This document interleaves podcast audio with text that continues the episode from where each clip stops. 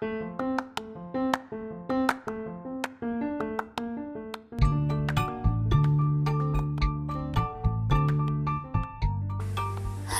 hai semuanya.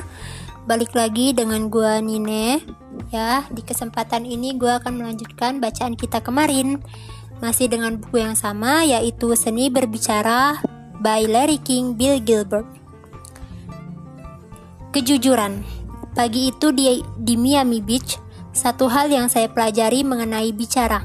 Entah apa entah Anda mengudara atau tidak, jujurlah dengan prinsip itu, Anda tidak akan salah dalam dunia penyiaran atau bidang-bidang bicara apa pun. Arthur Godfrey mengatakan hal yang sama kepada saya tentang cara menjadi penyiar yang berhasil. Biarkan para pendengar dan penonton merasakan pengalaman dan perasaan Anda. Ketika saya membuat debut sebagai pembawa talk show di Miami juga, saya mempunyai pengalaman yang sama. Itulah kedua kalinya saya gugup di udara, selain pengalaman pertama di radio dulu. Saya belum pernah tampil di televisi sebelumnya, dan saya merasa gugup. Produser menyuruh saya duduk di kursi putar. Kesalahan besar, karena gugup, saya memutar-mutar kursi ke kiri dan ke kanan, dan setiap pemirsa di sana melihatnya. Benar-benar menggelikan. Lalu saya menggunakan insting saya. Saya letakkan pemirsa di posisi saya. Saya beritahu pemirsa bahwa saya gugup. Saya katakan bahwa saya telah di radio selama tiga tahun, tapi ini pertama kalinya saya tampil di televisi, dan bahwa seseorang menyuruh saya duduk di kursi putar ini. Nah, dengan mengucapkan kata-kata itu, sekarang semua orang sudah tahu situasi saya, dan saya tidak gugup lagi. Saya lebih enak bicara dan lebih berhasil di malam pertama saya di televisi karena saya jujur kepada orang-orang yang yang saya ajak bicara. Kemudian, seseorang bertanya kepada saya, "Seandainya Anda berjalan-jalan di NBC News, lalu seseorang menggamit Anda dan menyuruh Anda duduk di kursi di dalam studio, menyodorkan setumpuk kertas pada Anda dan berkata, "Bro, kau sakit. Kau yang mengudara dan lampu dinyalakan. Apa yang Anda lakukan?" Saya katakan bahwa saya akan benar-benar jujur. Saya akan menatap kamera dan berkata, "Saya sedang berjalan-jalan di NBC ketika seseorang mengejutkan saya, menyodorkan kertas-kertas ini dan berkata, "Bro, kau sakit. Kau yang mengudara." Kalau saya berkata demikian, semua pemirsa akan tahu bahwa saya, saya bahwa saya belum pernah membawakan berita. Saya tak tahu apa yang terjadi. Saya harus membaca sesuatu yang asing bagi saya, Bahkan saya tidak tahu kamera mana yang harus dilihat. Dengan cara itu, saya menempatkan semua pemirsa berada di posisi saya. Mereka bisa memahami saya. Mereka tahu bahwa saya jujur kepada mereka, dan saya akan berusaha sebaik-baiknya melakukan apa yang harus saya lakukan untuk mereka. Saya berhasil berkomunikasi dengan mereka, bukan hanya mengenai apa yang saya komunikasikan, tapi juga dilema yang saya hadapi. Sekarang saya dalam posisi yang lebih baik berhadapan dengan mereka daripada seandainya saya berusaha mengingkarinya. Sebaliknya, jika saya dapat tampil percaya diri, segalanya berlangsung lancar dan saya mampu mengomunikasikannya kepada para pemirsa saya.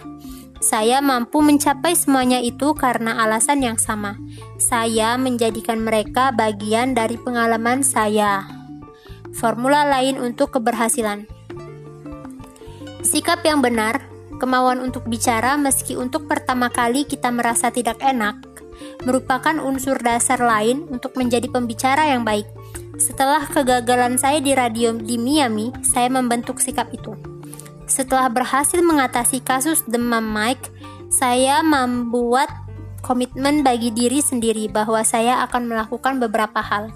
Satu, saya akan tetap bicara. Dua, saya akan meningkatkan kemampuan bicara saya dengan melatihnya dengan serius. Apa yang saya lakukan? Segala hal. Saya membawakan acara pagi, menyiarkan ramalan cuaca, dan menjadi reporter. Olahraga sore. Juga berita bisnis. Saya membacakan berita, menyampaikan pidato.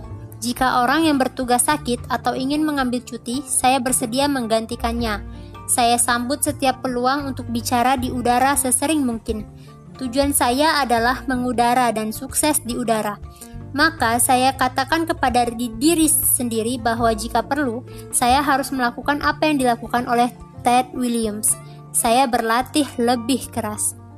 Anda juga dapat berlatih sebagai pembicara, selain dengan buku-buku petunjuk dan sekarang video-video tentang cara bicara banyak yang dapat Anda lakukan sendiri. Salah satunya guys, melalui podcast ini. Anda dapat bicara sendiri di sekeliling rumah atau apartemen Anda. Saya melakukannya, tidak sering, cuma kadang-kadang. Saya hidup sendiri, sehingga dari waktu ke waktu saya biasa mengucapkan beberapa kata kepada diri sendiri atau mencoba sesuatu yang barangkali ingin saya katakan nanti dalam pidato, dalam pidato atau show saya. Saya tidak merasa kikuk melakukannya, meski tak ada seorang pun di sekitar saya.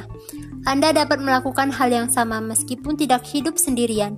Anda dapat masuk ke kamar atau di gudang atau saat mengendarai mobil. Anda dapat segera berlatih bicara dengan lebih baik. Anda juga dapat berdiri di depan cermin dan bicara kepada bayangan Anda. Ini merupakan teknik yang lazim, khususnya bagi orang-orang yang berusaha meningkatkan kemampuan mereka sebagai pembicara publik. Hal itu berguna juga untuk percakapan sehari-hari dan dapat membantu Anda melatih diri membuat kontak mata, karena secara otomatis Anda akan menatap sosok di depan Anda, yaitu bayangan Anda di cermin. Jangan menganggap saya tidak waras jika saya menganjurkan teknik berikut ini.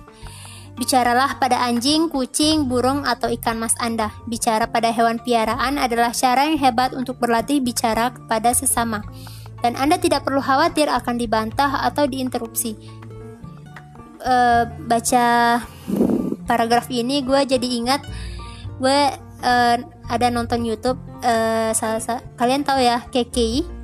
Nah KKI ini uh, di salah satu YouTube dia per, dia ada bilang kalau dia itu suka cerita sama ayam dan ternyata uh, sekarang pas eh waktu itu pas gue lihat di YouTube kan memang kalau kalian perhatikan juga kayak itu cara bicaranya lancar ya. Nah mungkin salah satu efek dari dia suka cerita sama ayam juga kali ya. Karena ini karena uh, teknik bicara sama binatang itu juga salah satu cara supaya kita uh, apa namanya lancar gitu. Ngomong di depan umum. Mantep banget ya Keke udah ngelakuinnya. Oke lanjut di samping kemauan untuk melakukannya, Anda setidaknya memerlukan dua syarat untuk menjadi pembicara yang baik. Perhatian yang dalam kepada orang lain dan keterbukaan diri Anda kepada mereka. Saya pikir para pemirsa talk show malam saya di CNN dapat melihat dengan jelas bahwa saya menaruh perhatian kepada para tamu saya. Saya pastikan untuk menatap mata mereka, Kegagalan melakukan ini menjadi kehancuran bagi banyak bagi banyak orang yang akan kita bicarakan kemudian. Kemudian saya majukan kursi saya dan saya ajukan pertanyaan-pertanyaan tentang diri mereka.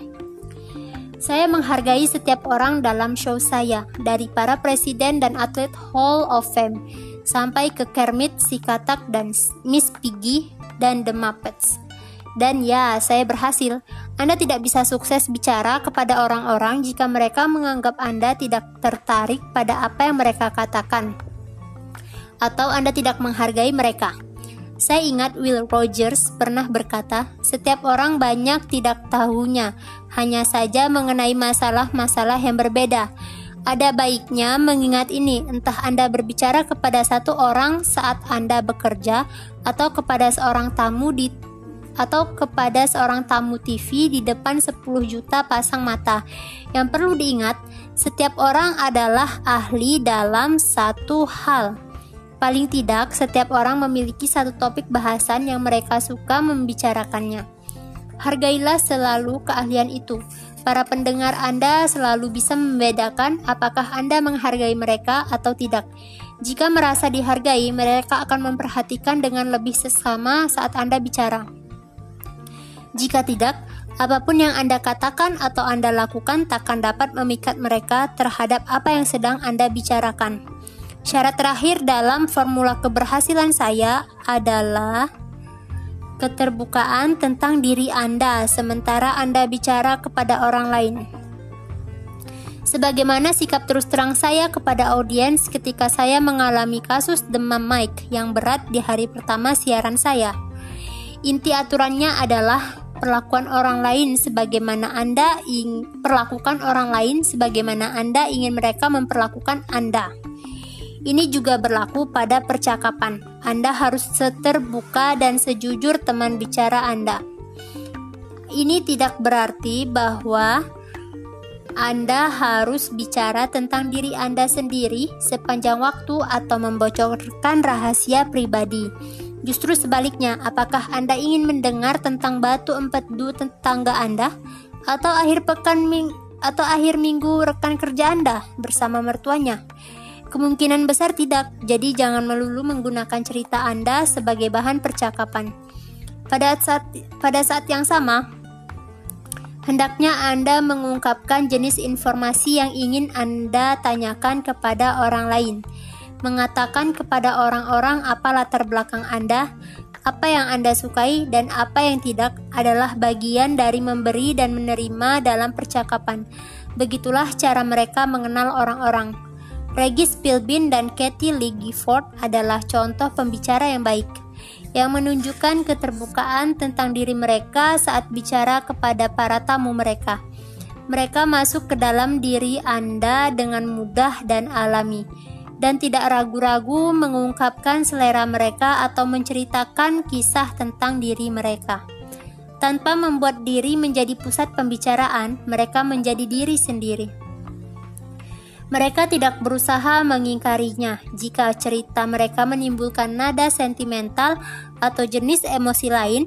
Mereka tidak malu-malu menunjukkan perasaan mereka. Regis dan Katie Lee jelas tahu bahwa tidak ada salahnya menunjukkan sisi sentimental jika itu memang momen sentimental.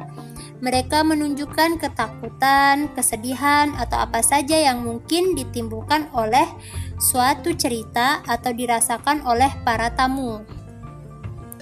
Para audiens di studio dan di rumah melihatnya dan merasakan keterbukaan serta ketulusan mereka. Siapa pun yang pernah saya ajak bicara selama lebih dari beberapa menit, paling tidak tahu paling tidak tahu dua hal tentang diri saya. Satu, saya berasal dari Brooklyn dan dua, saya orang Yahudi. Bagaimana bagaimana mereka tahu tentang saya karena saya menceritakan latar belakang saya kepada setiap orang yang berkomunikasi dengan saya. Itu merupakan bagian dari diri saya, jauh di dalam.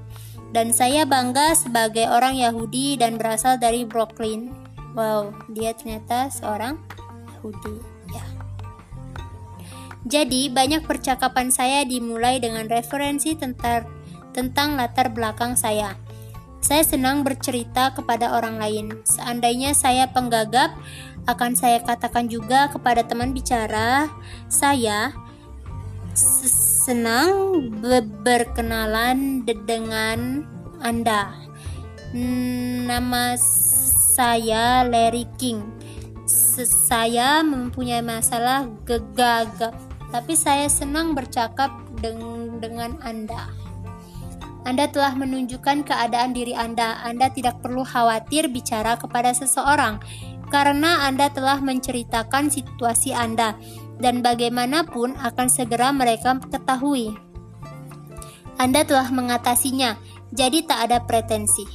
Percakapan itu memberikan kebebasan yang memungkinkan Anda berdua untuk semakin menikmatinya. Memang, itu tidak akan menyembuhkan gagap Anda, tetapi jelas akan membantu Anda menjadi pembicara yang baik. Di samping juga mendapatkan rasa hormat dari orang yang Anda ajak bicara. Mel Tillis, penyanyi country western, menggunakan pendekatan ini. Karirnya sebagai penyanyi sangat sukses dan ia benar-benar mengesankan sebagai tamu dalam sebuah wawancara. Meskipun dia gagap, itu tidak tampak jika ia sedang bernyanyi, tapi tampak jelas ketika bicara. Mei tidak merasa rendah diri karenanya, melainkan menerimanya sepenuhnya, berkelakar tentangnya, dan begitu santai menjadi dirinya sendiri, hingga Anda pun merasa nyaman. Seorang tamu di show televisi saya di Florida lahir dengan langit-langit mulut terbelah. Sama sekali tidak mudah untuk memahami bicaranya. Tapi ia senang tampil di show saya, di show saya dan bercerita tentang dirinya sendiri. Ia adalah seorang multijutawan, meski beberapa orang menganggapnya orang cacat. Bagaimana ia dapat menjadi multijutawan? Ia adalah seorang wiraniaga. Dia mendekati siapa pun yang ia ajak bicara tanpa pretensi dan tanpa berusaha menyembunyikan kenyataan bahwa ia lucu kalau bicara. Ia berhasil karena mau menyesuaikan diri dengan keadaannya dan membantu orang lain menyesuaikannya. Oke, itu adalah akhir uh, bab pertama dari buku Seni Berbicara. Oke, untuk bab kedua kita lanjutkan di podcast berikutnya ya, guys. Oke, terima kasih telah mendengarkan podcastku. Bye.